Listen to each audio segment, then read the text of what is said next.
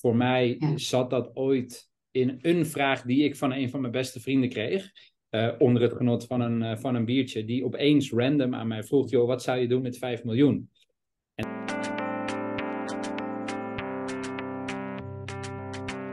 Welkom bij de Leaderize podcast. Leuk dat je luistert. Ik ben Tanja Witte, leiderschapsexpert. En in deze podcast neem ik je mee in mijn wereld van lef, leiderschap en levenslust. Dit is de podcast voor jou als leider of ondernemer die een positieve impact maakt op deze wereld. Vol tips, inspiratie voor meer impact. Voel jij dat er meer is dan alleen resultaten behalen? En wil je zelf je pad creëren, meer positieve impact maken en genieten van een reis? Als je klaar bent om die volgende stap te zetten, dan is deze podcast voor jou. In dit tweede seizoen interview ik leiders en ondernemers met een missie die verder gaat dan alleen bedrijfsresultaten behalen, maar die echt een positieve impact willen maken op deze wereld. Luister en laat je inspireren. Glenn, goedemorgen. Goedemorgen. En welkom en superleuk dat ik jou mag interviewen voor mijn, uh, mijn podcast. Leuk ook, ja. leuk ook dat je mij uitnodigt om in jouw podcast te komen. Dus dat is wederzijds. Ja, nou, dat, dat, dat gaat straks ook blijken, denk ik. Maar uh, zeker in, in deze serie van uh, interviews waarin ik dacht van... hé, hey, wie ken ik nou om me heen waarvan ik vind dat hij echt zijn of haar missie leeft... en dat heel actief in de wereld aan het zetten is... Um, en toen moest ik aan jou denken. Dus uh, vandaar dat ik dacht, hé hey Glenn, die, die wil ik. Zeker. En, nou, dat, uh, dat is echt leuk om te horen. En uh, ja, voor mijn gevoel is dat ook zo. Klopt dat? Dat is ja. wel... nee, maar mooi dat dat ook overkomt. Ja. Ja, nou, daar wil ik graag met je induiken zo. Maar misschien zijn er mensen die jou nog niet kennen. En dus wellicht leuk om even, even jezelf voor te stellen voor de luisteraar. Of misschien wel de kijker. Want dat staat tegenwoordig ook met beeld op, uh, ah. op Spotify. Heel goed, heel goed. Nou, ik kan me goed voorstellen dat er luisteraars zullen zijn die mij kennen, maar ook genoeg die mij niet kennen. Uh, nee, ja, mijn naam is Glenn, Glenn Holster. Ik um, uh, ben geboren en opgegroeid in Amsterdam, waar ik nog steeds woon en erg gelukkig ben. Daar woon ik met mijn vrouw en twee kindjes. Uh, verder uh, werktechnisch ben ik de oprichter of medeoprichter, want we doen het samen, van Happy Holics. En wat wij doen is teams en organisaties helpen in het realiseren van meer werkgeluk en bevlogenheid.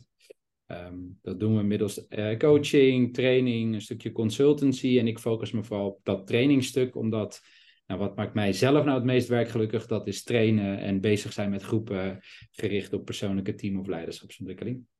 En dat is ook waar wij elkaar van kennen. In die zin, um, wij zijn allebei Insights geaccrediteerd. Uh, vanuit die hoedanigheid hebben wij elkaar de eerste keer ontmoet.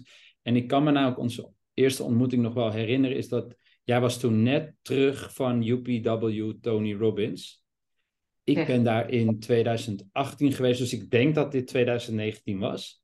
En jij was nog een soort van helemaal hyped, energized, terwijl je alweer terug was in Nederland, want dat, de ontmoeting was in Haarlem. Maar ik kon meteen ja. meevoelen ik denk, ah ja, zo kwam ik ook een jaar geleden terug. En uh, nou ja, als ik het uh, goed heb onthouden, ben jij een paar maanden geleden weer geweest. Dus heb jij gewoon nog een keer hetzelfde programma gedaan. Met dezelfde ervaringen, maar waarschijnlijk ook weer met andere inzichten en inspiratie. Maar um, ja, dat. Ja. Helemaal waar, ja. Ja, leuk. ja. leuk. Ja, mooi is dat. Ik kan, kan me dat moment ook echt nog herinneren. Ik had bewust dat bandje omgehouden. Je krijgt zo'n uh, zo'n polsbandje als een soort anker om dat gevoel vast te houden en die energie van, die, van die dagen. Uh, en ik weet nog dat bij Insight, daar in die, in die kelder, zeg maar, ja. dat dat wij elkaar vonden op dat stuk uh, Tony Robbins en de inspiratie die dat bracht. En uh, yeah. nou, een bepaalde energie vrijkwam. Dat ik dacht, hey, dit is gewoon een leuk mens. Wij denken hetzelfde over heel veel dingen. En yeah. nou, leuk dat Tony Robbins verbindende factor is. En wat, wat is er dan nog, uh, nog meer? Ja, dat is mooi. Dus wij kennen hem allebei. En hij zorgt voor een verbinding tussen ons, terwijl hij heeft geen idee, althans, dat denk ik, wie, wie Tanja ja. en Glenn zijn. Althans, dat denk ik, maar uh, Goed, misschien nog, niet, nog niet. Nog niet, precies, nog niet. Er komt een moment dat, ja precies. Ja, mooi. Ik, ik hoop het. Ik zou heel graag Tony Robbins ooit ook in mijn podcast willen. Ja. Um, maar ik heb hem nog niet benaderd. Nee, nee, nee maar ik, ik probeer het. Weet je, geef het een kans. Wellicht, uh, bedoel, ik, ik kan in ieder geval me voorstellen dat dan het aantal bezoekers flink zal toenemen bij je podcast. Dus het is wel ook een slimme keus om hem te benaderen. Zeker eens. En, en dat bij, bij jou toch ook, Glenn, straks? Geen idee, we gaan het meemaken. Ik zou het heel leuk vinden als mede door mij er eh, wat meer bezoekers of volgers van je podcast komen. Maar goed, uh, dat ga je en, en, en, zonder grappen, uh, jij zit hier omdat ik jou een inspirerend persoon vind.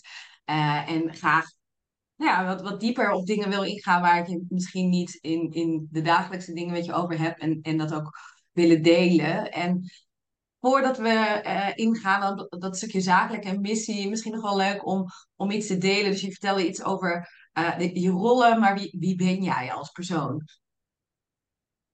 Wie ben ik als persoon? Ja, kijk, ik ben uh, vader, partner. Um, ik denk dat ik mezelf kan omschrijven als iemand die zeer positief is ingesteld of optimistisch, die, die graag energiek door het leven gaat.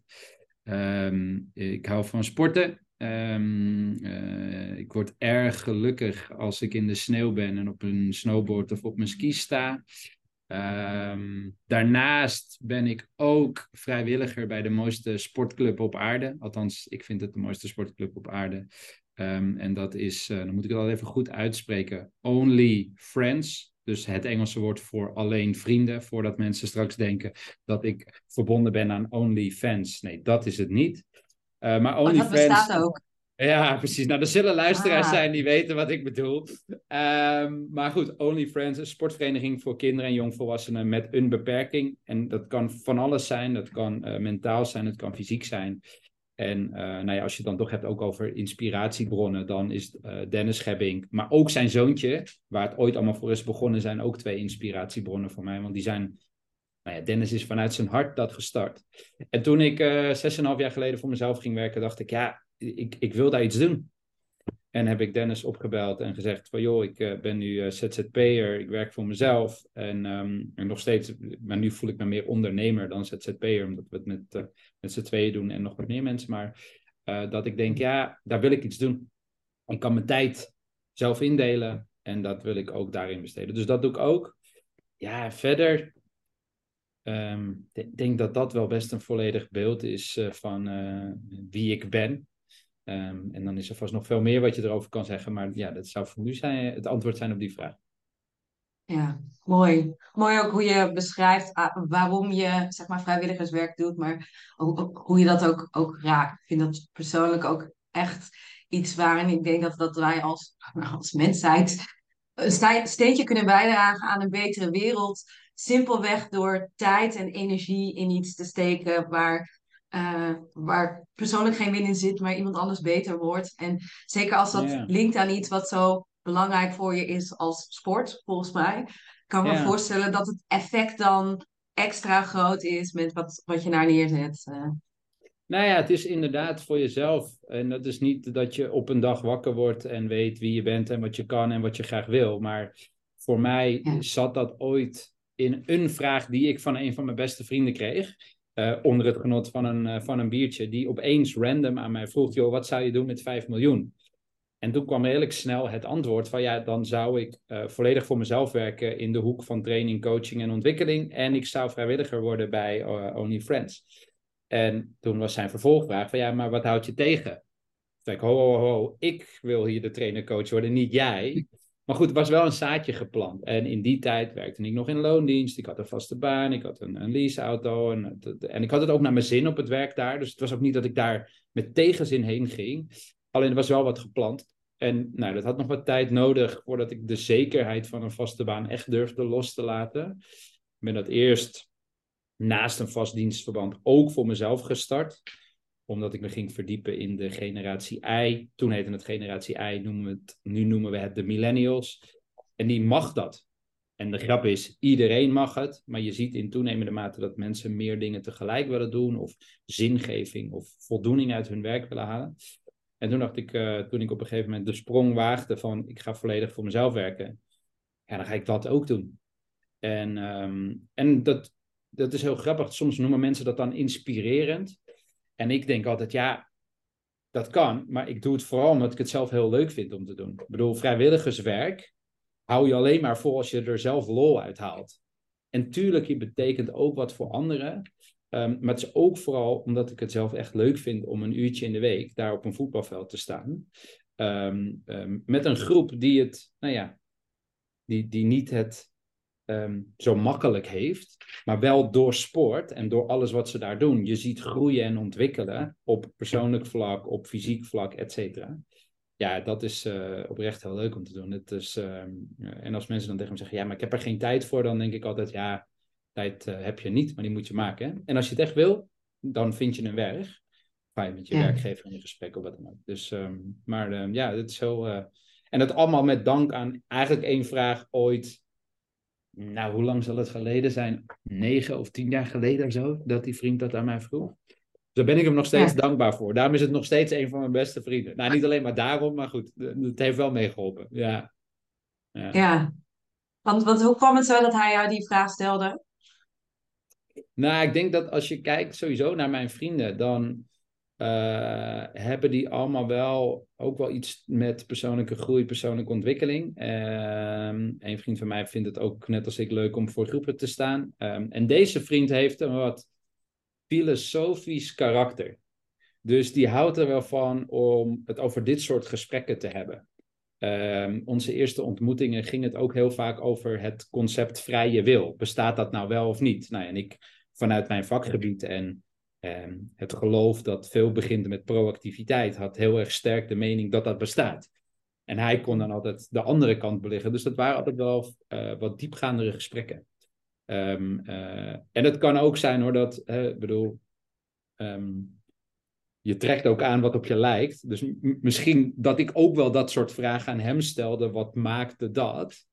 Um, ja. Maar dat was, het is misschien ook wel gewoon de wisselwerking. Maar uh, dit is in ieder geval mijn versie van waarom ik denk dat hij die vraag aan mij stelde. Ja. ja. En, en toen, want je zegt, dit is uh, tien jaar geleden. En ja. uh, nu, nu heb je dus een, een bedrijf, ben je een van de eigenaren van Happy Holics, waarmee je die, die training en coaching geeft. Misschien goed om nog heel even iets groter te maken voor ik daarop inzoom. Uh, want je hebt heel erg verteld wat je doet, maar je, je, hebt nog niet zo je, je why verteld. Nee. Wat, wat, is nou jouw missie of hetgeen wat jij in, in de wereld wil zetten? Ja, ik, ik ben er um, echt van overtuigd geraakt dat ik vind dat ieder mens ieder jaar iets moet doen aan persoonlijke groei en ontwikkeling. In wat voor vorm dan ook. Dat kan in een hele hoop verschillende manieren, maar ik, ik vind dat als je uh, een mens bent en daarin te maken hebt met anderen om je heen, en dat heb je nogal snel als je mens bent, uh, dat je dat, zou, dat verplicht zou moeten zijn. Maar mijn missie daarin is oprecht dan ook mezelf en anderen inspireren en faciliteren in persoonlijke groei en ontwikkeling om van daaruit een leuker leven te creëren of een leuker werkend leven te creëren. Dus als je mij werktechnisch bekijkt, focus het heel erg op de werkcontext. Hoe kun je met behulp van persoonlijke groei en ontwikkeling of persoonlijk leiderschap een leuker werkend leven creëren? Maar ook daarbuiten, ja, vind ik het leuk om, om mensen en mezelf ook uit te dagen of te inspireren of te faciliteren in hoe kan je het nou leuker maken voor jezelf. Um, uh, en voor de mensen om je heen. Ja, dus uh, dat, zou mijn, dat is uh, mijn why. Waarom ik denk dat ik op deze aardbodem rondloop. En um, ja. dat hoop ik ook nog heel lang te mogen en te kunnen blijven doen. Ja. En, en waarom is dat zo belangrijk? Hè? Je hebt het over dus dat iedereen zich zou, zou moeten ontwikkelen. En dat, dat je nou, jezelf en anderen wil inspireren om, om dat te doen. Maar waarom? Nou, ik denk als ik daar nu op terugkijk, is dat ik ben er vanuit uh, gewoon interesse mee begonnen. Dat ik dacht, nou weet je, ik uh, werk bij een accountskantoor. Mensen krijgen allemaal opleidingsbudgetten voor uh, technische, vakinhoudelijke trainingen. Maar ik wil mezelf persoonlijk ontwikkelen. En toen ben ik daarmee begonnen en werd erdoor gegrepen. En ik denk wel dat voor. Een beetje, kijk, ik ga pas naar de fysiotherapeut toe op het moment dat ik ergens pijn in mijn lijf heb. Dus een blessure heb of wat dan ook. En dan ga je reactief aan de slag het mooie is dat ik zoveel heb gedaan aan persoonlijke groei en ontwikkeling. En daardoor ben ik niet verlicht. Of daarvoor betekent niet dat ik nooit boos word. Of weet je, dat, dat is allemaal ook. Alleen het helpt je wel op de momenten dat het wat pittiger of intenser is, of dat het leven je, nou ja, dingen op je pad gooit die even niet zo leuk zijn, dat je de, de handvat in ieder geval hebt hoe je daarmee om kunt gaan.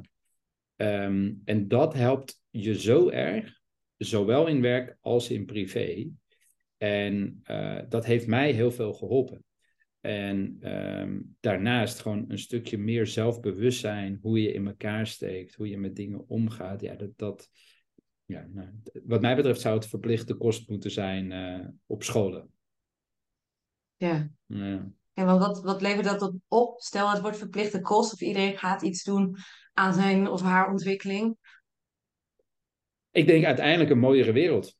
Ik denk oprecht een mooiere wereld. Omdat je van daaruit dan uh, ook beter weet wie jij bent, waar, waar jij goed in bent, wat jij graag wil doen. En dat, dat vind ik het ook. Hè. Als je kijkt naar mensen hun missie. Nou ja, laat ik het anders stellen. Ik weet heel goed wat mijn persoonlijke kernwaarden zijn. En daar probeer ik zoveel als mogelijk mijn leven op in te vullen en naar te leven. Als ik aan organisatie van in teamsessies vraag van joh, wie van jullie hier heeft vier persoonlijke kernwaarden, dan blijft het vaak heel angstvallig stil.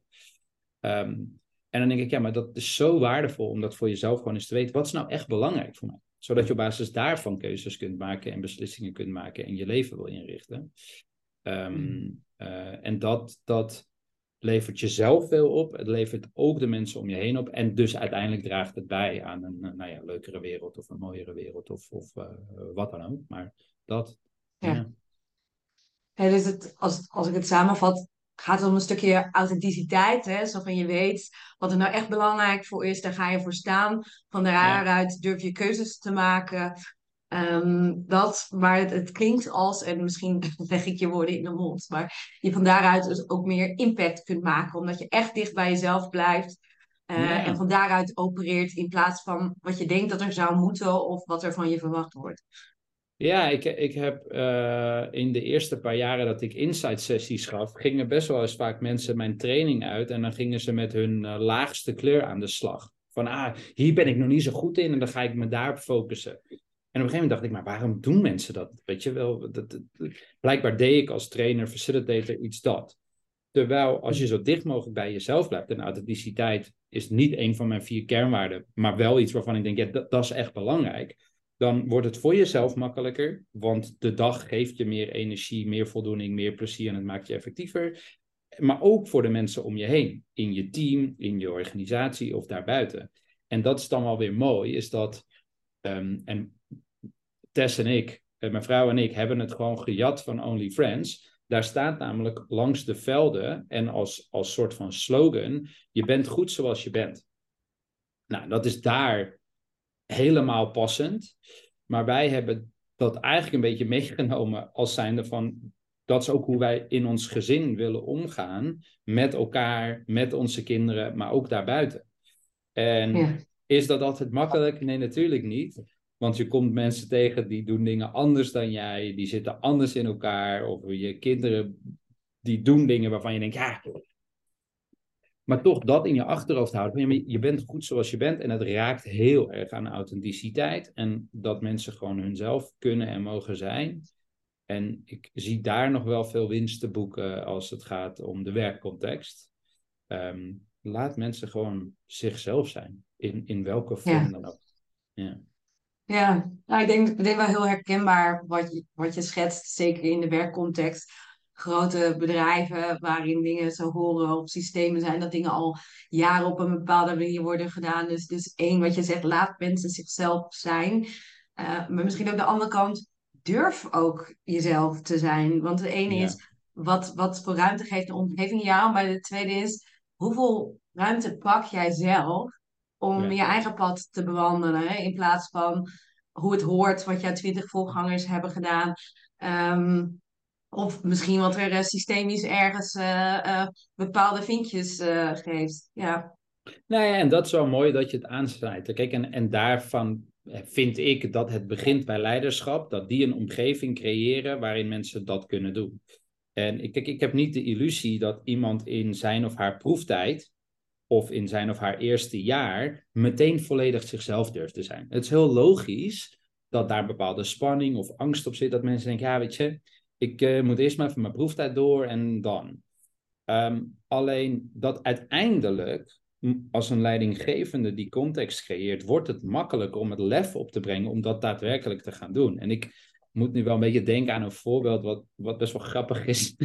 ik, als je zeg maar een fysieke inspanning met een groep mensen voor een goed doel, als je dat aan elkaar knoopt, dan krijg je bij mij drie keer ja en is de kans dat ik meedoe redelijk groot.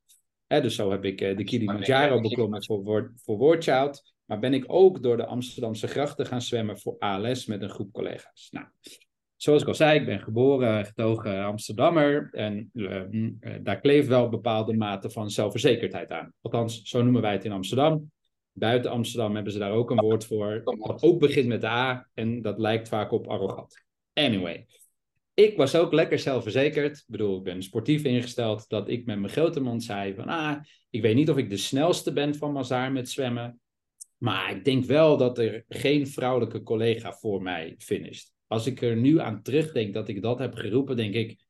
Wat een lompe arrogante opmerking. Maar never mind, ik had dat gezegd. En toen was er een vrouwelijke collega, uh, Sylvia, die tegen mij zei: Nou, weet je, ik wil daar wel anders een weddenschapje met je over aangaan. Ik zei: Nou, is goed, gaan we doen. En nou, de afspraak was: de verliezer, degene die de weddenschap verliest. Dus zij zei: van, Nou, ik denk dat ik wel voor je kan finishen.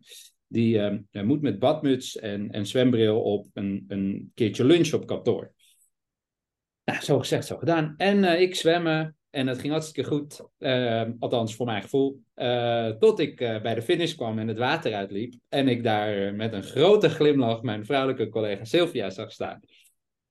Was ik even vergeten dat er ook mensen zijn die misschien hun hele leven of hun hele jeugd op zwemmen hebben gezeten, wat ik niet heb. nou ja, als je dan een weddenschap verliest, dan ben ik ook wel het type dat ik denk, ja, weet je, dan moet je ook gewoon je verlies nemen. Dus ik, nou, de week daarna Um, dag op kantoor, lunchen, badmuts op, zwembril op. Maar we hadden ook bij de finish een badjas gekregen. Dus ik had ook mijn badjas over mijn pak aan. Accountskantoor lopen veel mensen in pak. Nou, dat zorgt voor best wat hilariteit. Dat mensen, je, in ieder geval als je met je dienblad rondloopt, nog even kijken van wat is dit voor iets geks. En aan de andere kant zijn mensen er ook best wel snel aan gewend. Want die denken, ja, die zal wel een weddenschap hebben verloren, weet je wel.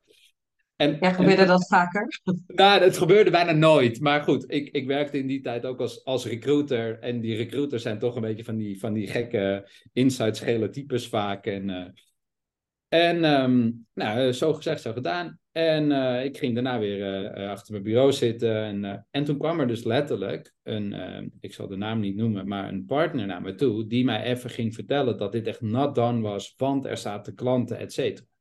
En als je het dan dus hebt over jezelf mogen zijn. En ik snap het, hè, dit is niet super representatief. Aan de andere kant is het ook juist een boodschap naar klanten: van kijk, weet je, als je hier werkt, hoort dit erbij, kan je jezelf zijn, et cetera. En dat, dat is wel iets dat me is bijgebleven. En dan heb je dus als leidinggevende invloed op, op de cultuur en context, waarbij je dus eigenlijk zegt van dit kan hier niet, want je moet in pak, netjes, formeel in gesprek. Ehm, en aan de andere kant denk ik, ja, ik, ik vond het dan juist leuk. En, en het voelt niet eens als lef, maar het voelt meer als van ja, ik heb een grote mond gehad, ik heb verloren, ja, dan moet ik mijn verlies nemen. En ehm, eh, nou ja, dat, dat vind ik dan wel een grappig moment als je het hierover hebt. ik denk, ja, het heeft deels te maken bij de persoon, maar het heeft ook te maken bij leiderschap. Kun je als leidinggevende een cultuur en context creëren waarin, waarin dat er kan zijn? In welke vorm dan ook. Ja, het lijkt me ook best wel in, intens als jij daar zo in je badjas. Uh, ik ben redelijk visueel voorgesteld, hè, ik zit helemaal voor me staat. En dan inderdaad zo'n partner naar je toe komt, die, die jou dan even gaat vertellen wat er wel en niet mag. Wat, wat is de impact daarvan op jou geweest? Nou, het is, het is uiteindelijk Ehm, heb ik letterlijk ook tegen hem gezegd van, joh, wees gerust, ik ga dit niet iedere dag doen. Dit is onderdeel van dat we door de gracht hebben geswommen en ik heb met mijn grote mond een weddenschap verloren. Alleen het doet wel iets in, uh, het deed ook iets in onze relatie. Ehm, maar, maar bovenal geeft het onbewust een signaal van, ja, weet je, uh, dit doen we hier niet. En, en ook wel een soort van, en kijk, ik ben wel het type wat goed gedijt in, in wat meer coachend, verbindend, dienend leiderschap. En dit toonde niet echt gedrag wat daarbij past, laten we het zo noemen. En, en niet dat, dat je, je hebt als leidinggevende ook af en toe mensen aan te spreken op. Het is allemaal prima. Alleen ik vond dit een beetje dat ik denk, ja, hoe erg is dit nou? Kijk, als ik mijn werk niet lever of ik kom afspraken niet na en hij spreekt me daarop aan, eh, natuurlijk, dat is prima. Maar dit vond ik wel dat ik dacht, hmm, oké. Ehm, eh, en uiteindelijk, ik, ik blijf nooit zo lang hangen in, in uh, mindere interacties met mensen. Maar goed, dat krijg je als een van je kernwaarden begripvol is. Dat ik denk, ja, hij heeft ook een reden uh, waarin hij zegt wat hij doet. En, en zijn intentie is, is een positieve. Alleen het kwam niet als een positieve intentie bij mij binnen. Ja, ja nou, mooi hoe jij dat dan hebt weten te, te duiden. Als in hoe komt het binnen en wat betekent het voor mij en hoeveel ruimte geef ik daaraan. Um, en, en daarvoor had je het over leiderschap. Hoe belangrijk is het dat mensen in senior posities in het bedrijfsleven, maar ook in het ondernemerschap.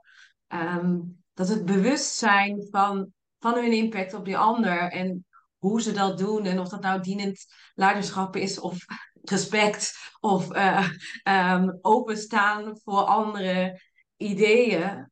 Ja.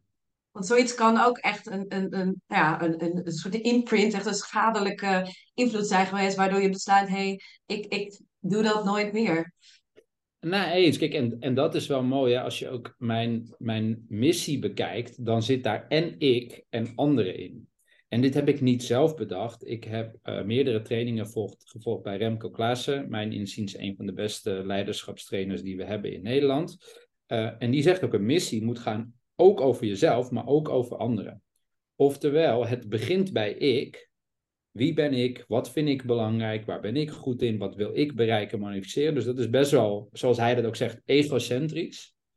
Om van daaruit te kijken. En hoe, wat is het, hoe kan ik dat brengen ten gunste van anderen? Of wat is inderdaad daarin het effect van mijn gedrag in de dingen die ik doe op anderen?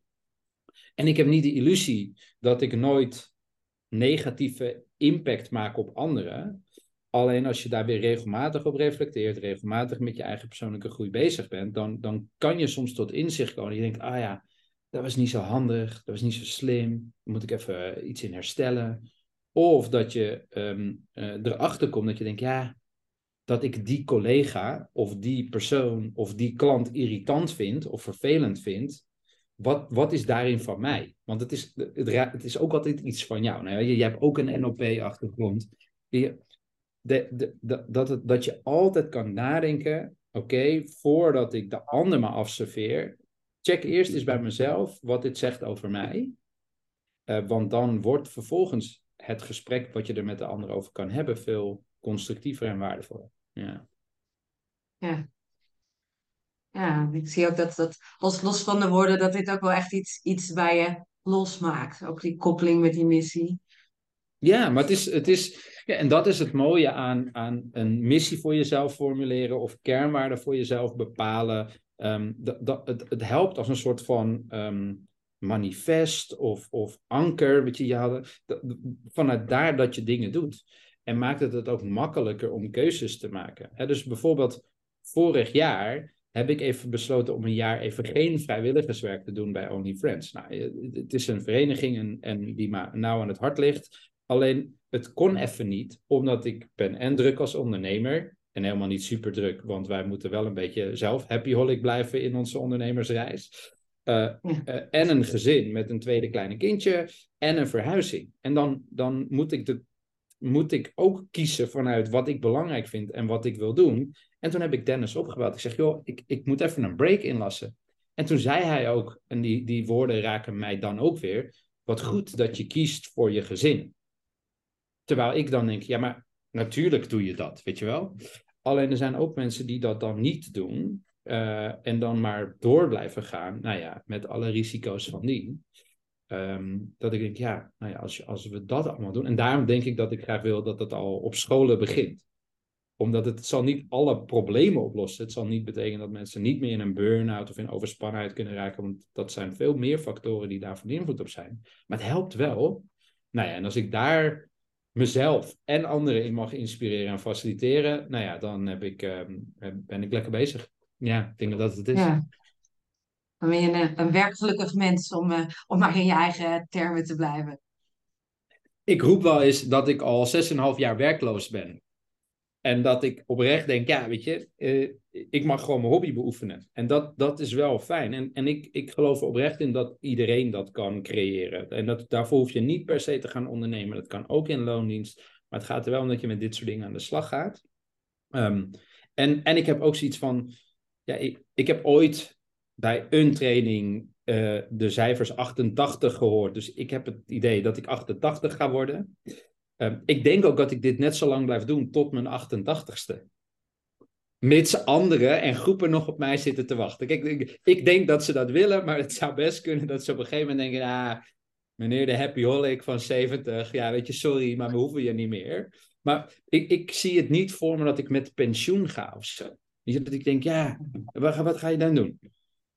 En ik denk wel dat ik minder zal trainen en voor groepen staan. Maar ik kan me niet voorstellen dat ik daar niet meer mee, mee dat ik ermee zou stoppen of zo. Um, en als ik er dan mee zou stoppen, dan zou ik wel weer op zoek gaan naar, oké, maar wat zijn dan andere manieren hoe ik in kan vullen aan die missie? Want ik denk dat die missie nooit gaat veranderen. Nee. wat ik mooi vind, omdat ik er ook beeld bij heb, is, is de sprankeling die ik zie in, in je gezicht als je erover vertelt. En, en het gevoel dat bij mij bekruipt is dat jij mag spelen van jezelf. Dus dat, dat zeg maar wat jij ook zegt. Ik heb al zes en een half jaar geen werk. Ik doe van alles. Het klinkt echt alsof die, die levenslust door je heen bruist. En, en, en dat van daaruit je eigenlijk kijkt van... hé, hey, hoe kan ik naar die missie toe bewegen? Klopt dat? Ja, 100 procent. 100 procent. Het is zelfs één... Want, want heb ik ook weer van Remco Klaas geleerd. Het begint met de missie, daaronder vallen je kernwaarden en dan maak je dat concreet met leefregels. En één van mijn leefregels is dat ik het eeuwige kind in mezelf wakker wil houden.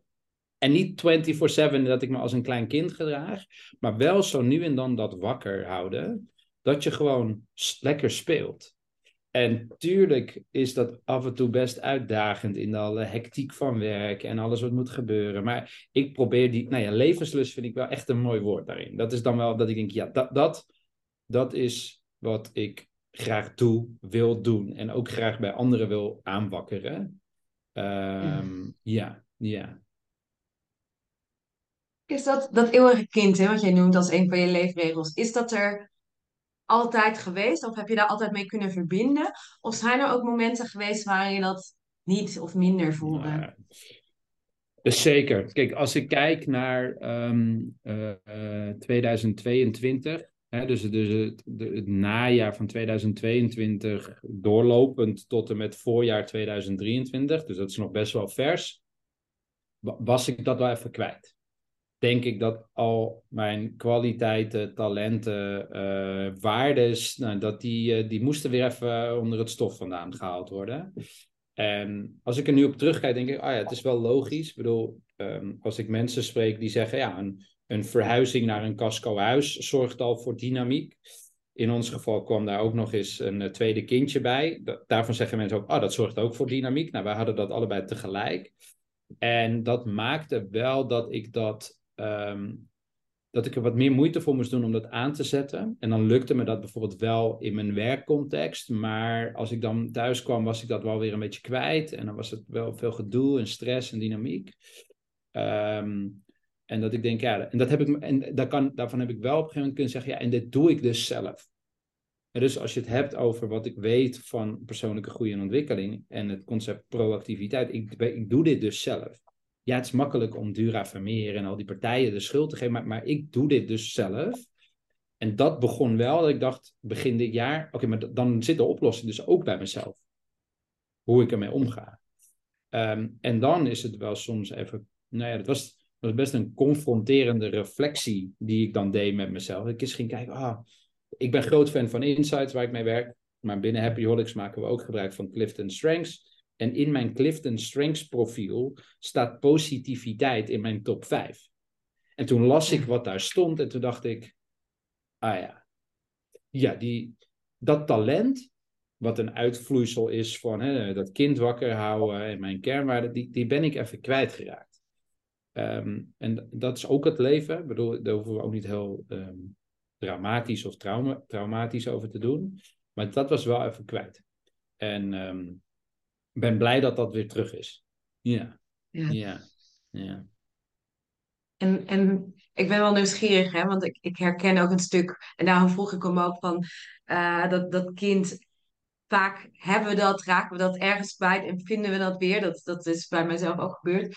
Wat, wat heb je dan gedaan vanuit dat bewustzijn dat die verbinding even verbroken was, om dan weer terug te vinden of te herstellen? Of zeg je, was bewustzijn genoeg? Het begint met dus, um, en dit is grappig, dit heb ik ooit uh, toen ik Toon Gerbrands mocht interviewen. En ik ben als Amsterdammer groot fan van Ajax. Dat durf ik nu nog steeds te zeggen. Alhoewel op dit moment er wel echt de hele boel in de fik staat volgens mij. Maar ik kreeg de kans om Toon Gerbrands, toen algemeen directeur van PSV, te, te, te interviewen. En die zei van ja, het leiderschap gaat ook over gewoon af en toe een eerlijk gesprek met jezelf voeren. En of je dat nou doet tijdens het hardlopen, tijdens het wandelen of journalend of wat dan ook. Maar dat je gewoon even tijd neemt om eens gewoon te reflecteren op waar ben ik nou mee bezig. En voor mij was dat dus een moment uh, dat ik uh, een avond met een goed glas rode wijn is gewoon ging zitten en dacht, wat, wat, gewoon eens stilstaan en eens terugkijken. En dat, dat, dat bewustzijn, dat inzicht was wel, ik dacht, ah ja. En dan is het, gaat het niet om dit zegt mijn Insights of Clifton Strengths profiel en dat is waar. Maar het geeft wel het inzicht om eens te kijken van oké, maar als ik dan dit zeg en dat dit mijn kernwaarde is en dit mijn missie en, en hoe ik in het leven wil staan, in hoeverre doe ik dat nou? En gewoon is, je kan jezelf daar bij wijze van spreken een cijfer op geven. Nou heb ik dat niet gedaan, maar voelde wel meteen, ik denk ja, daar, daar ben ik niet mee in lijn op dit moment. En dan kan je heel makkelijk zeggen, ja, maar dat komt door slaaptekort en dat komt door de verhuizing en dat komt door de tropenjaren en noem het allemaal maar op. En dat is allemaal wel waar. Maar de oplossing is nog steeds zo. Nou ja, of je nou Tony Robbins neemt of NLP neemt, het maakt niet uit welke, welke guru je volgt. Zeggen ze allemaal, ja, maar je, hebt zelf de macht om. En dan kan je wel voor jezelf, en ik, ik weet nog wel dat ik, dat ik gewoon op heb geschreven van oké, mijn, mijn doel is om weer, en het is niet smart, ik, ik, ik, ik geloof wel in smart doelen, maar niet altijd, was gewoon van ik wil weer meer die energieke, positieve Glenn zijn. Nou, en als je dan eens checkt bij jezelf, maar waarom wil ik dat dan? Nou, dan komen er wel antwoorden waarvan je denkt, ja, dit is wel echt belangrijk. Dat is leuker voor mijn kids, leuker voor mijn omgeving en ook leuker voor mezelf. En om daar dan nou ja, de, de acties aan te koppelen van, oké, wat ga ik dan doen? En dat zit hem gewoon in beter slapen, eh, meer weer bewegen, eh, maar ook gewoon oprecht voor je zien van waarom is dit belangrijk, waarom wil ik dit en dat ook gaan doen. Nou ja, en dan kan je in actie komen. Um, uh, dus eigenlijk is dat wat ik heb gedaan. En wat ik nog steeds doe, zo nu en dan. Of als ik even aan mezelf merk, hé, ik zit er even niet zo lekker in. En dat begint dus met zelfbewustzijn en zelfreflectie. Uh, van daaruit aan de slag te gaan met groei, ontwikkeling en acties maken. Ja, mooi. Hey, een heleboel stappen die denk ik in de basis niet heel ingewikkeld zijn. Nee. Maar die wel vragen om eigenlijk structureel gezien naar jezelf te kijken, om eerlijk te zijn naar jezelf. Je had het ook over voor je zien, dat je dus kijkt naar dat grotere plaatje bij jezelf in check, ben ik dat aan het doen? Ja. En van daaruit dus ook de keuzes die je maakt en de acties die je uh, doet, of die in lijn liggen met. En zo niet dat je die bijstuurt. Uh, Om te zorgen dat je, dat je dat blijft leven. En dat het niet een moment is, hé, hey, ik heb een missie geformuleerd. Of uh, tien jaar later check ik nog een keer in. Maar dat het eigenlijk een soort van continu proces is. Om te zorgen dat je dan juist de juiste pad blijft bewandelen. Ja, het is dus een missie en kernwaarden of leefregels of weten hoe je in elkaar steekt, is, is, is het fundament dat betekent niet dat je vervolgens dat het klaar is. Da en dat is ook waarom ik zeg, ga ieder jaar iets doen aan persoonlijke groei en ontwikkeling.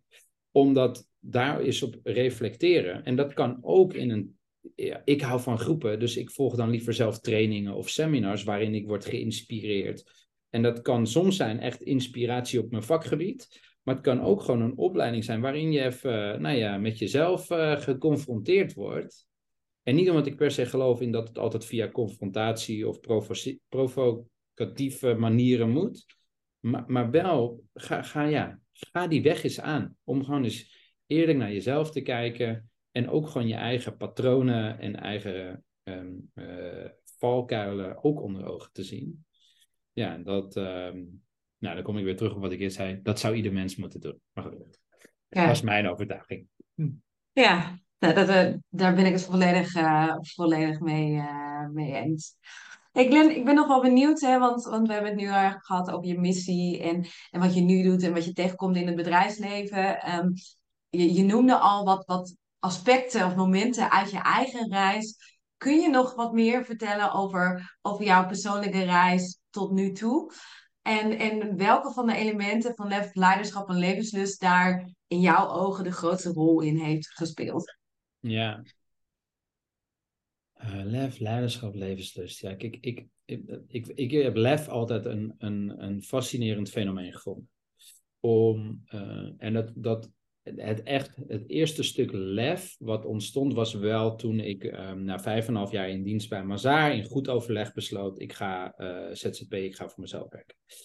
En ik zal nooit vergeten, en dat, dat, was voor mij als, dat is waar voor mij lef over gaat, is dat ik ging toen naar Zuid-Afrika. En dat is wel grappig, want over vier weken gaan wij weer naar Zuid-Afrika. Met ons, nu met ons gezinnetje. Zeven jaar geleden gingen Tess en ik met, met z'n tweeën. Oftewel, zeven jaar geleden gingen we op zoek naar de beste wijnhuizen. En nu zijn we op zoek naar goede wijnhuizen met speeltuinen, zeg maar. Dus het is een andere, een andere vibe. Maar ik weet nog wel dat ik toen, dat was mijn laatste, uh, ik had mijn laatste werkdag gehad bij Mazaar en toen stapten we in het vliegtuig. En daar zag ik een boekje, een notitieboekje van, met daarop de quote van Nelson Mandela. Courage isn't the absence of fear, but the triumph over it. En dat is waar lef voor mij over gaat. Lef gaat niet over leven zonder angst. Of moedig zijn gaat niet over dat je geen angst of twijfel of dat soort dingen hebt. Maar dat je er overheen gaat en het toch gaat doen. En dat was wel ook sprake bij mij toen ik zes en half jaar geleden de keuze maakte om te gaan ondernemen. En dat is voor mij eigenlijk het, het, het beste of het mooiste voorbeeld waarin ik vind dat ik lef heb getoond. Ehm, omdat alle andere dingen, die zijn me ook wel een soort van overkomen, overvallen. Ik, ik, ik, ik voel me af en toe ook eigenlijk heel vaak wel als een soort van zondagskind. Weet je wel, dat, dat je dingen. En ik heb dat ook wel in een coachingstraject mogen leren van Jo, dat, dat die zei van ja, maar het is niet dat je er niks voor doet. Je, je doet ook dingen waardoor je dingen aantrekt, et cetera. Maar um, dat, ja, ik heb wel, ja, voor mijn gevoel veel geluk of zo in het leven. Ik denk dat dat het is. Ja. Je, geeft een heleboel haakjes om, om op in te haken. Um, Kies er één, doe er één, doe één haakje. Ja, precies. Ik wou zeggen, de, de eerste, je begon natuurlijk over, over lef. En, ja. en jij linkte dat nu aan, aan uh, Zuid-Afrika en, en dus die stap om, om uh, in het ondernemerschap te stappen. Ja. Zijn dat voor jou de, de grootste momenten in je leven waar je lef hebt getoond of moeten inzetten? Ja, dat denk ik wel. En het kan ook soms wel zijn, weet je, lef kan hem ook zitten in dat je besluit om iemand ergens op aan te spreken.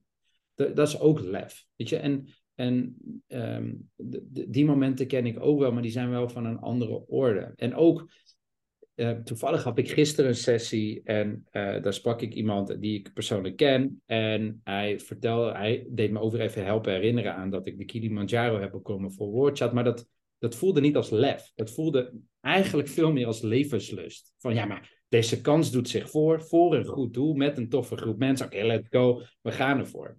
En als je dan een goed doel hebt gekoppeld waar geld voor ingezameld moet worden, dan denk ik ook, ja, weet je, nou dan werk ik bij Mazaar. Wat kan ik doen? Ah, nou, ik kan de, de vlag van Mazaar naar de top van Afrika brengen. Nou, als ik dat doe, social media, dat gaat wel wat teweeg brengen. Nou, dan kan ik ook wel alle partners even een mailtje sturen dat ze mij even sponsoren. En had ik in één mailtje 2500 euro verzameld als sponsorgeld voor WordChat. Alleen, dat voelt veel minder als lef, omdat dat, denk ik, die levenslust er dan zo doorheen zijpelt.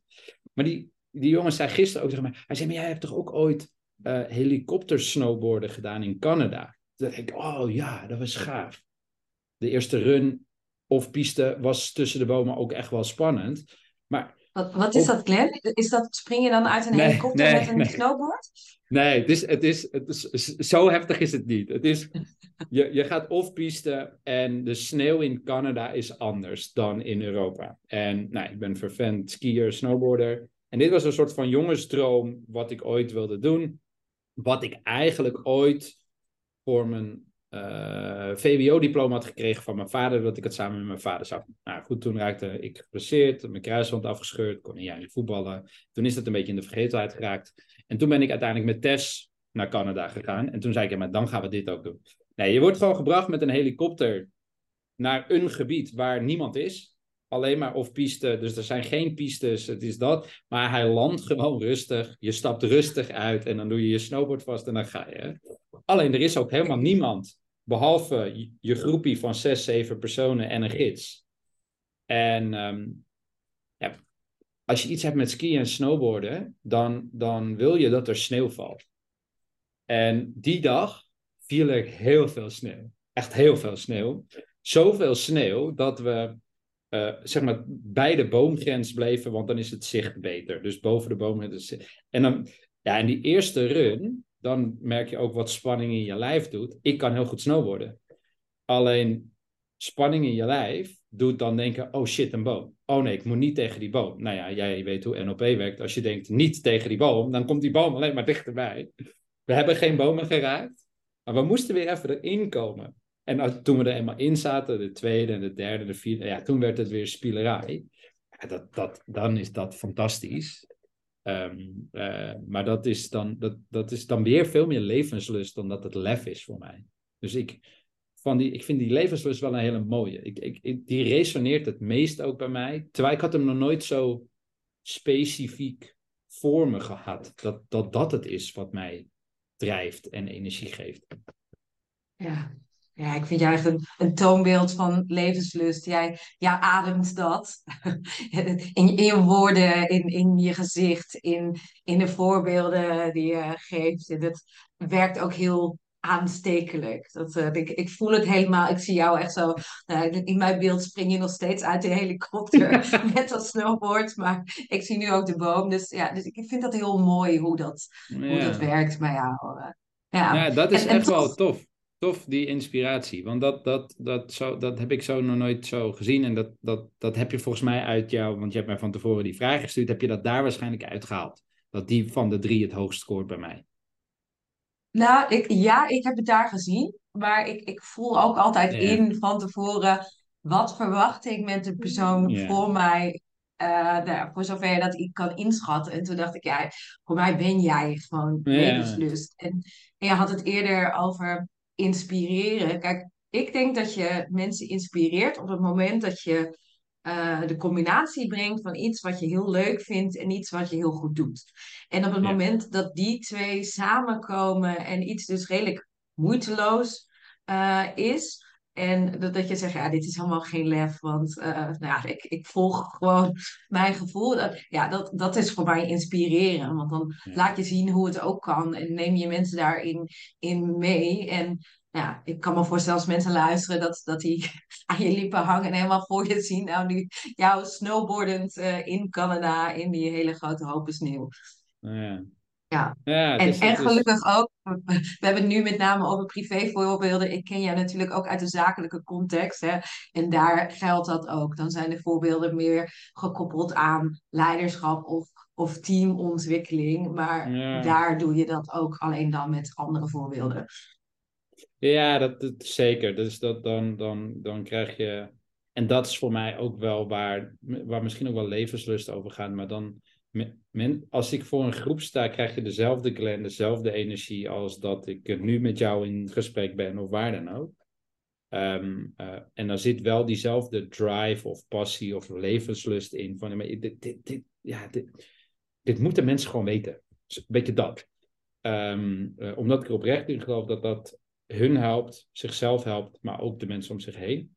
Dus inderdaad, ja, maar ook daarin, weet je, het, het ondernemen is ook voor mij gewoon een soort van leuke journey, ontdekkingsreis, waarin we hele mooie klanten mogen bedienen en waar soms klanten op ons pad komen waarvan ik denk, hoe komt die nou weer bij ons? Maar, maar ook wel dat er af en toe bedrijven zijn die denken, ja, maar die, toevallig net nog dat ik, dat ik dan een bedrijf zie en ik denk, hey, dat is een tof bedrijf. Laat ik eens even op LinkedIn kijken of ik daar mensen ken. Oh, toevallig, ik ken daar iemand. Oh, zij is recent begonnen als Head of People and Culture. Nou ja, dat kan toch geen toeval zijn? En dan, ik kan dan niet meer niet een berichtje sturen. Dus er, zit, dan is er, er is ook niet eens meer twijfel dat ik denk, ik stuur haar gewoon een berichtje. Of ze zin hebben in een kop koffie of een, kop thee of wat dan ook. En, dan, en ook gewoon om, om haar te ontmoeten, om te horen hoe het is. En tuurlijk zit er ook een commercieel tintje aan. Maar als dat niet is en ik heb een inspirerende ontmoeting, is het ook goed. Ja, dat is dan wel wat het is. Ja. Ja, ja mooi. Ik wil je nog één vraag over, over lef uh, ja. Vragen. Want jij wordt steeds naar levenslust getrokken. Dat vind ik heel mooi. Ehm, maar wat, wat nog wel bij mij is blijven hangen, en misschien bij de oplettende luisteraar ook. Jij vertelde dat dat gesprek met die vriend was tien jaar geleden. En het moment waarop jij in het ondernemerschap stapte, was 6,5 jaar geleden. Klopt ook. Wat is er dan in die tussentijd nog gebeurd, waardoor uh, nou, het, hetgeen wat nu zo goed lijkt te passen, hè, waar jij dus helemaal die levenslust, die speelsheid kunt volgen en van daaruit getrokken wordt, dat, dat je daar toen nog niet in bent gestapt? Nee, dus dat, dat is dus het, een stukje angst. Weet je, zo simpel kan je hem uh, maken de angst om de zekerheid los te laten. En toen ben ik het ook gewoon stap voor stap gaan doen. Dus toen ben ik in 2014 ben ik naar de Kamer van Koophandel gegaan om mezelf in te schrijven als uh, ZZP'er, trainer, coach. Waar ik me overigens nog steeds over kan verbazen hoe een formele aangelegenheid dat is. Alhoewel ik van de week van iemand hoorde, niet als je je inschrijft bij de Kamer van Koophandel in, zij hadden dat gedaan in Den Bosch. Daar maakten ze er wel wat van. Maar ik heb twee keer een bedrijf mogen inschrijven in Amsterdam. En ik vond het een nogal formele aangelegenheid. Weinig slingers, zeg maar, die moet je zelf ophangen. Daar ben ik toen mee begonnen. Dus ben ik naast mijn dienstverband voor mezelf gestart. Omdat dat mijn generatie als millennial dat mag. nogmaals, iedereen mag dat, maar die doen dat in toenemende mate. Dat was een hele veilige manier van ZZP'en, want als ik geen werk binnenhaalde, was het niet erg, want ik had nog een vaste baan. En het hielp me ook binnen Mazaar om steeds meer trading coaching te doen. Dus, dus het hielp ook. En nou, toen ben ik ook nog wat trainingen gaan doen. Daarna ben ik pas ook in 2015 Insights accreditatie gaan doen. Ik heb op een gegeven moment systemisch werk gedaan. En ik denk dat ik zelfs het nodig had dat er echt wat dynamiek en gedoe ontstond in mijn rol bij Mazaar. En, en niks negatiefs over hen, want Mazaar is ook al 6,5 jaar een zeer gewaardeerde klant van mij geworden nadat ik daar weg ben gegaan. Maar dat ik dat dus nodig had om ertoe te komen dat ik echt de stap durfde te zetten. Oké, nu ga ik het doen. Dus dat, dat vraagt ook soms wat tijd. Weten dat je iets echt wil, uh, wil nog niet zeggen dat je dat ook meteen kan of wil of durft te doen. En daar ging bij mij ook wat tijd overheen. Alleen als je eenmaal antwoord hebt op de vraag: wat zou je doen met 5 miljoen? Die haal je niet meer uit je hoofd dan is het wel, dat blijft zo'n stemmetje. Wat als, wat als. En op een gegeven moment had ik wel, ik dacht, oké, ik ben nu, nou, 6,5 jaar geleden was ik 29, dat ik dacht, oké, als ik het nu niet doe, ga ik het misschien nooit doen. En dan heb je, kan je spijt krijgen. En toen dacht ik, oké, let's go, we gaan het een jaar doen. En na dat jaar ga ik evalueren van, nou, is het financieel gezien voldoende? Um, is het, vind ik het leuk? Dat is ook belangrijk. Nou ja, en dat uh, was twee keer een jaar. Althans, een volle jaar vind ik het leuk. Omzet technisch was het zwaar zwaar. Het was net genoeg met wat ik had bedacht, als het ware. Maar dat boeit dan weer niet, als je het echt heel leuk vindt. Nou ja, en toen, uh, een jaar daarop, uh, ging het door het dak. Um, in positieve zin. ja, dan, dan weet je helemaal dat je op het goede spoor zit. En dan wordt het alleen maar leuker en leuker en leuker. Overigens niet dat dat betekent dat je daarna alleen maar dezelfde omzetjaren hebt, want 2020 was wel even een dippie. Um, maar dat maakt dan dus ook niet uit, omdat je het vanuit passie doet. Weet je, dus dan, dan komt dat wel goed, weet je. En, um, maar dat was wel, ja, dat had wat tijd nodig. Dat had wat, ik moest wat, wat meer ervaring opdoen, meer persoonlijke groei opdoen. Ik moest en die zekerheid op een gegeven moment durven los te laten. En ik werd ook wel een beetje geholpen, omdat het ook gewoon niet meer houdbaar was. Wat ik wilde binnen Mazaar en welke ruimte en plekken daarvoor waren. Ja. ja. Ja, dus het heeft wat, wat lef gekost om uiteindelijk toen steeds helderder werd vanuit dat ene antwoord, wat wil ik doen, uh, met 5 miljoen vertaald naar wat betekent dan praktisch, hoe ziet dat eruit, om, om aan dat pad in te zetten en weer dat te blijven bewandelen. Ja, en, dus ook als, als ik er dan later op ben gaan terugkijken, dat ik ook wel de dankbaarheid kan voelen dat die persoon die toen mijn leidinggevende was, wat een uh, suboptimale klik was tussen twee karakterstructuren, uh, dat ik nu heel dankbaar ben voor dat, dat, dat ik uiteindelijk daar weg ben gegaan in goed overleg. Omdat als hij dat niet had gedaan en de ruimte had gegeven aan mij om datgene te doen wat ik toen wilde doen, had ik daar nou ja, misschien nog steeds gewerkt. Uh, dus, dus op dat moment vond ik hem niet zo leuk en aardig. Vond ik van alles van hem. Alleen een jaar later kon ik al terugkijken en denk, ah ja, ik, ik kan er ook dankbaar voor zijn. Want hij heeft me misschien ook wel dat laatste setje gegeven om die zekerheid los te laten en ervoor te gaan. Uh, en dat is ook dan wel mooi. Dat dus diezelfde man, als ik hem nu tegenkom, dat ik er 180 graden anders naar die man kan kijken. Omdat ik oprecht kan voelen, oh ja, ik, ik heb je ook daarvoor te bedanken. Ja. Mooi. Ja. En, en is daar dan is daar één situatie geweest die heeft getriggerd van oké, en nu is het tijd om die switch te maken? Of is dat meer een proces geweest in, in die relatie waarin het feit dat jij, wat je zo netjes beschrijft als verschillende karakterstructuren, uh, dat dat eigenlijk een soort van katalysator is geweest voor het pad wat je al uh, bewandelde? Nou, ik was, ik was uh, in 2016 mocht ik best veel training en coaching geven binnen Mazaar. Ik kon zelfs internationaal dingen doen. Dat was heel tof. En, en ik, ik, ik wilde daar niet weg, zeg maar. Ik, weet je, ik, ik voelde bepaalde loyaliteit. Ik voelde dat ik dingen kon doen waar ik blij en gelukkig van werd. Ik wilde niet weg. Alleen op een gegeven moment stond er dynamiek. Dat hij zoiets zei, ja, maar ik wil dat je weer een deel van je recruitmentwerk gaat doen. Of dat je maar parttime hier gaat werken. En dat was allemaal niet wat ik zocht. En ik zal nooit vergeten dat ik in 2016, begon was mij in de zomer, deed ik een opleiding systemisch werk met familieopstellingen. En daar was op een gegeven moment dag vier organisatieopstellingen. En ik had al besloten, dit is mijn dag. Want ik zit in een organisatie en daar speelt iets. Ik wil proefpersoon zijn. In ieder geval demo-kandidaat noemen ze dat dan. En toen ik die opstelling wegzette, toen werd het in één klap duidelijk. Ik zette mijn leidinggevende en de bestuurder zo ver bij mij vandaan, dat, ik niks. Toen kwam een soort van binnen. Ik zie het nu voor me. Oké, dit kan niet anders. Ik moet een ander gesprek voeren. Nou, en ik had het geluk dat ik uh, voor de zomer een drieënhalfdaagse bij Remco Klaas had gedaan. En het concept Think Win-Win, die was goed binnengekomen. En dat was toen het gesprek dat ik dacht, ja, ik moet gewoon in gesprek met hun op basis van win-win er een goed overleg uitkomen.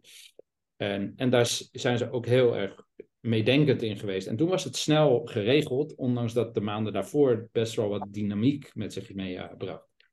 En um, dus het is wel een, het gaat niet over een dag. Weet je, dus persoonlijke groei en ontwikkeling, zelfreflectie, dat is niet, uh, je doet dat een avondje en dan uh, de volgende ochtend ben je verlicht. Zeker niet. Nou, leuk zijn. Ja. ja, en zelfs als je denkt dat je dat bent, dan ben je het volgens mij al niet meer. Dus dan heb je weer werk te doen. Maar goed, dat is denk ik ook. Dus, dus dat was wel heel helpend. Um, maar dat, ja, nee. De, het antwoord op de vraag: wat zou je doen met 5 miljoen? wil niet meteen zeggen dat je dat morgen gerealiseerd hebt. Alleen je kan dan niet meer anders dan daar wel stapjes in ondernemen om daar naartoe te bewegen of daar naartoe te gaan. Um, en dat is ook iets wat kan veranderen. Dus Itamar, mijn compagnon en ik hebben uh, drie maanden geleden hebben we met elkaar het eens over gehad. Maar oké, wat zou je doen met 5 miljoen?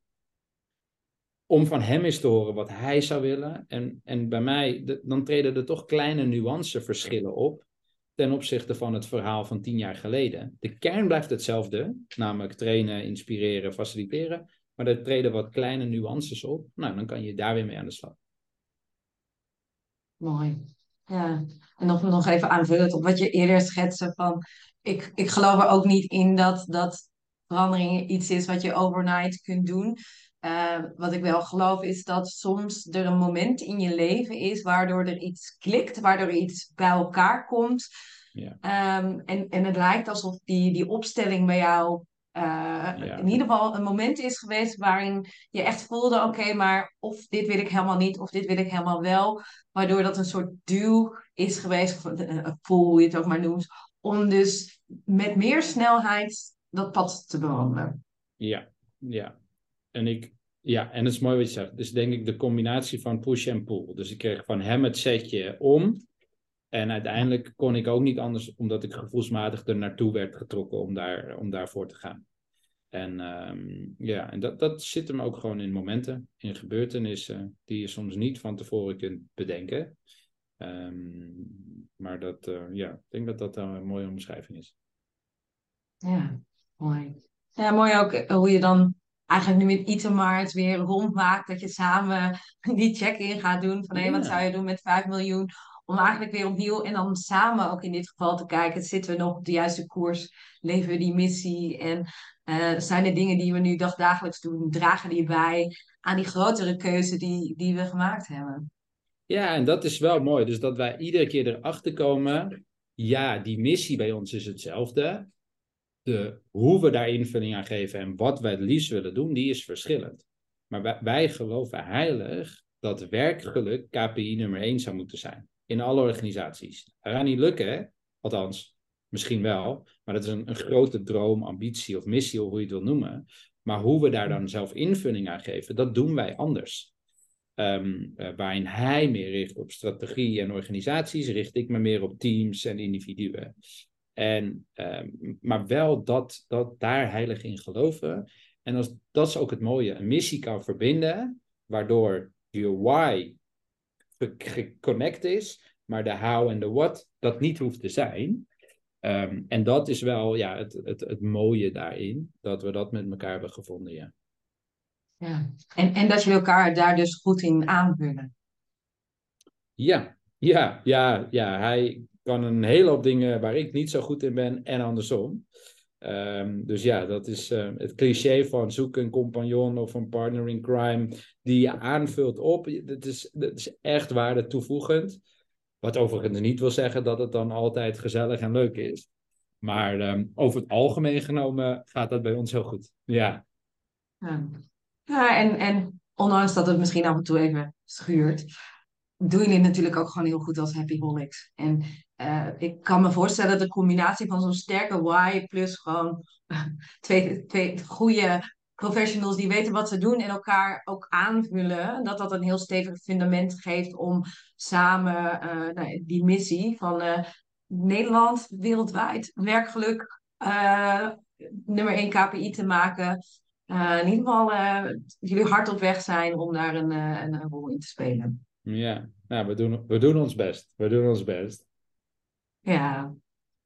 Misschien leuk om in ieder geval voor de luisteraar nog heel even terug te komen op die impact scan. Want ja, voor jou is het geen verrassing meer, Glenn, want wij hadden het al, al over gehad. Maar ja, wat, wat ik bij jou al van tevoren verwachtte, wat ik zie in je vragenlijst en wat ik hoor in je gesprek, jij ademt levenslust. En Um, ik vind het mooi dat dat dus een, een iets is. En, we hadden het net over push en pull. Het lijkt iets te zijn wat jou echt trekt naar dingen. Dus vanuit dat soort verlangen, misschien soms ook wel een kinderlijke nieuwsgierigheid. Dat jij steeds weer naar iets nieuws getrokken wordt. En um, dat, dat van daaruit dat balletje gaat, gaat rollen. En nou, in, in, die, in de vragenlijst noem je ook wel lef. Inderdaad komt het af en toe ook terug in, uh, in je antwoorden.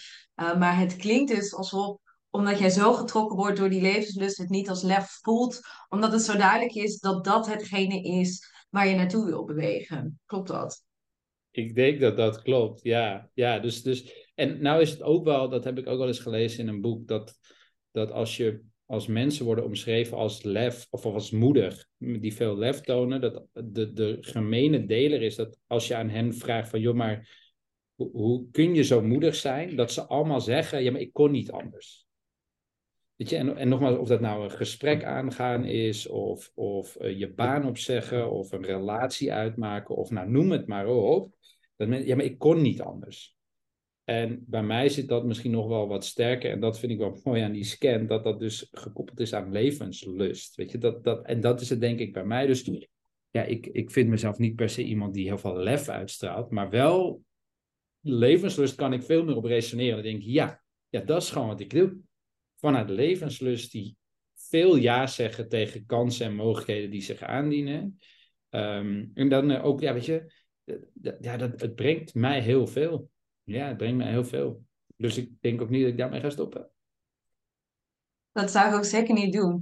En, en het, het mooie vind ik daaraan is dat ik, ik zie dat, dat sommige mensen die, die heel erg focussen op leiderschap en lef, vanuit meer vanuit een soort van push. hey, ik heb een doel geformuleerd, ik wil zo graag, ik ben zo hard aan het werk, zo'n zo vuur. Uh, kom ik best wat mensen tegen in, in mijn coaching, in mijn training. Ehm, die verliezen soms dat, levenslust. Die, die vergeten te genieten van een reis of die voelen niet waar ze trots op zijn. Ze weten het misschien wel, maar het dringt niet door tot gevoelsniveau. En dan wordt het soms heel hard werken om die missie te bereiken.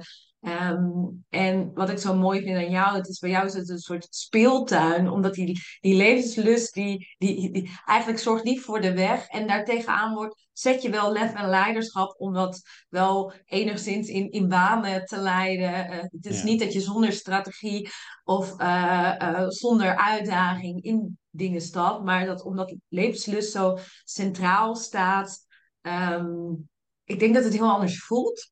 En daarmee heel anders overkomt. En dat je daarmee dus veel meer impact maakt. Omdat je dus van jezelf levenslust centraal mag stellen. En andere mensen denken, hé, hey, daar wil ik daar wil ik bij zijn, daar wil ik onderdeel van uitmaken. Ik weet niet wat je doet, maar doe mij dat ook maar. Nou, dat is wel, kijk, als, als ik ook kijk naar hoe, hoe uh, volgens mij raakt het ook wel aan, aan hoe jij dat doet in training coaching, maar ik, wij, ik geloof echt heilig in dat leiderschap begint met persoonlijk leiderschap. Wie ben ik? Wat kan ik? Wat wil ik? En dat raakt veel meer aan elementen als levenslust dan dat het sec leidt aan, aan leiderschap, de wat meer hardere kant.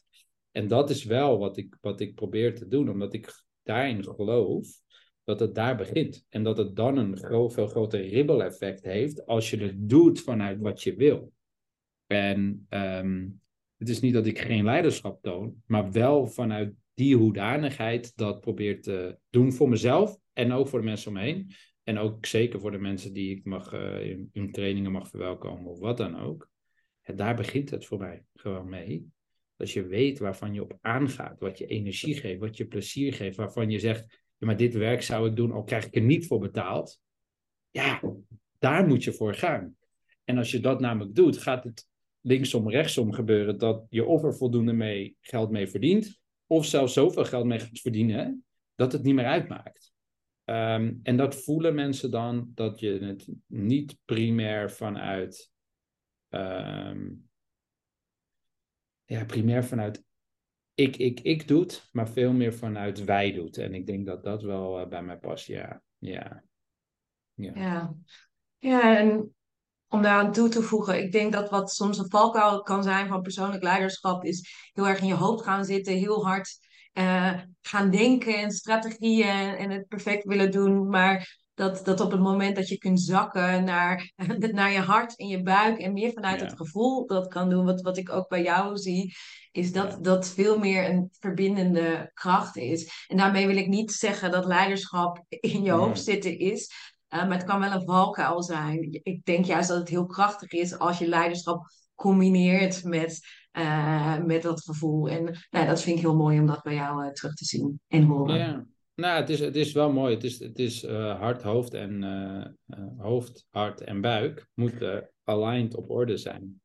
En mijn voorkeur is om vanuit buik en hart te starten en dan met het hoofd aan de slag te gaan. Want het is niet dat ik, dat ik de ratio niet gebruik of niet nadenken over strategie. Tuurlijk, dat doe je ook, alleen vanuit die volgordelijkheid. En ik denk dat veel uh, leidinggevenden, zeker hier in Nederland, de, de, de weg in ieder geval naar onder ook moeten maken. En het is niet erg als hun voorkeur ligt op het rationele, op het leiderschap, op het strategische. Dat is een talent, daar, moet je ook blijven doen. Alleen laat die andere kant er ook zijn, zodat het hoofd efficiënter of effectiever of, of vanuit meer levenslust uh, aan de slag gaat. Ja, dat is wel uh, ja, mooi. mooi. En wat ik daar nog te, te binnen schiet, wat mij enorm helpt, is ondanks dat ik veel intuïtie heb, dus dingen voor me kan zien en, en ergens naartoe wil en overal kansen en mogelijkheden zie, ben ik ook echt wel heel veel in het hier en nu. En dat helpt om vanuit passie, levenslust dingen te doen. En als ik ook terugkijk naar vorig jaar, dat dat er wat minder was, dan was dat omdat ik veel bezig was met dingen die in het verleden niet goed geregeld waren, waardoor ik er last van had in mijn huis. Of nog piekeren en me druk maken over alles wat nog komen gaat, wat we nog moeten doen, wat we nog moeten regelen, et cetera. En in het hier en nu worden die, die problemen niet, die verdwijnen niet, maar ze worden wel draagbaarder om, om ermee om te gaan. En dat is wel volgens mij altijd de kunst. Ik, ik ben geen mindfulness yoga guru, terwijl ik wel weet dat dat soort dingen heel goed zijn voor mij. Uh, maar dat is de kunst, om gewoon in het hier en nu te zijn, zoveel als mogelijk. Ja, eens. Is, is er nog iets, Glenn, wat jij aan de luisteraar of de kijker wil meegeven op basis van wat je net gezegd hebt of wat we gaandeweg in dit gesprek samen besproken hebben? Nee, ik, dan, dan zou ik dingen herhalen die ik al heb gezegd. En dat zou voor mij zitten in ga aan de slag met persoonlijke groei en ontwikkeling. doe ieder jaar daar iets in. In wat voor manier dan ook, in een vorm die bij jou past. En dat hoeft niet mijn vorm te zijn, dat ik nou eenmaal hou van groepen en trainingen en opleidingen en dat soort dingen. Maar, maar ga daarmee aan de slag omdat het je zelf helpt, je omgeving helpt. Ehm, dus dat zou het dan zijn. Maar dat heb ik volgens mij al een aantal keren eerder gezegd in deze podcast. Ja. Ja, ja, mooi. En is er nog iets wat ik jou niet gevraagd heb, wat ik wel had moeten vragen om een compleet beeld van jou, van Happy Holics, van je missie neer te zetten? Nee. Nee, ik zou het niet weten. Nee, ik, uh, ik, ik vond een heel. Ik, bedankt voor de uitnodiging en het gesprek. Want ik, ik vond het leuk. Het, het, helpt mij ook weer om dingen scherper te krijgen. Als je er zo met iemand over praat en vragen krijgt die je niet per se ziet aankomen. En ik, neem in ieder geval voor mezelf dat levenslustige nog meer mee. Uh, dus nee, bedankt voor je vragen en voor de uitnodiging en voor het gesprek. Dat is eigenlijk het enige wat ik zou willen zeggen. Ja, en ik, ik heb een hele rij dat ik denk, oh, maar hoe zou dit werken bij Tanja? En hoe zit dat dan bij jou met, met levenslust, lef en leiderschap? Maar misschien moeten we dat een andere keer doen. Want de podcast is al waarschijnlijk alweer wat langer dan dat je normaliter doet met mensen. Maar goed, dat komt uh, door mijn ik, ik had al ingeschat dat wij, uh, dat wij het niet binnen een uur zouden rennen. En ik denk dat de mensen die jou, jou kennen misschien er ook rekening mee houden dat, dat ze gewoon heel veel luisterplezier hebben als ja. je luistert. Dus dank daarvoor. Mocht je nu nog luisteren, dan heb je dat waarschijnlijk in drie of vier keer opgeknipt in autoritjes of treinritjes, als je het al tot hier hebt gered. Ja, dat is mooi. Mooi. Ja. mooi. Ja. Maar, maar, misschien kunnen we een keer omdraaien dat, dat jij mij gaat interviewen. En uh, het lijkt me ook wel uh, leuk om dat te doen. Ja. Heb jij dat al gedaan in je podcastserie? Nee, niet, niet letterlijk met, met deze vragen. Dus. Let's go. Laten we dat doen. Ik vind dat leuk. Laat ik, uh, ik uh, ja, dit gaan we doen. Laatste praktische voor degene die het tot het einde geluisterd hebben. En die denken, die, die Glen of Happy Holics, wat, uh, waar vind ik daar meer over? Waar zou je ze naartoe willen verwijzen? Ja, happyholics.com. Daar, daar verzamelen we en daar staat van alles over wie we zijn, wat we doen, inspiratie, blogs, kennisbankdocumenten, onze happy feed. Maar daar ga ik nu niet over uitweiden wat het is, maar dat kan je daar zien. Of op LinkedIn. Uh, daar ben ik ook je kan me ook vinden op Instagram, maar dat is veel meer de privékant. Dus daar komen veel meer mijn kinderen ook voorbij. Terwijl op LinkedIn probeer ik het uh, meer vanuit mijn missie te doen. Dus da daar ben ik ook nog te vinden. Leuk. Ik zal de links onder, uh, onder de, de opname zetten, zodat ze daar uh, naartoe kunnen. Dankjewel voor je tijd, uh, Glenn. Graag gedaan. En, Wil jij weten hoe lef, leiderschap en levenslust je gaan helpen om meer impact te maken? Vul dan de Impact Scan in. Je kunt kiezen voor een persoonlijk voicebericht waarin ik mijn observaties, tips en kwaliteiten deel. Of je kunt direct your call to take the lead inplannen en dan zorg ik ervoor dat je de inzichten in dit gesprek krijgt en dat we in gesprek gaan over wat ik voor jou kan betekenen. Bedankt dat je luisterde naar de Leaderize podcast. Ben je geïnspireerd geraakt? Ga dan naar de podcast-app waarmee je deze podcast luistert en klik op reviews. Laat bijvoorbeeld 5 sterren achter en als je wilt ook nog een geschreven review. Dank! Ik vind het ook superleuk om te weten welke les of inzicht je uit deze podcast hebt gehaald. Dus deel deze podcast en tag me op social media of stuur me een bericht. Je vindt me op underscore of Tanja Witte op LinkedIn. Wil je meer weten over hoe je met mij kunt samenwerken voor jou of je bedrijf? Ga dan naar www.leaderize.nl of plan direct your call to take the lead via de link in bio. Ik kijk ernaar uit om met je in gesprek te gaan. Tot de volgende aflevering. Give rise to the leader in you. Bedankt dat je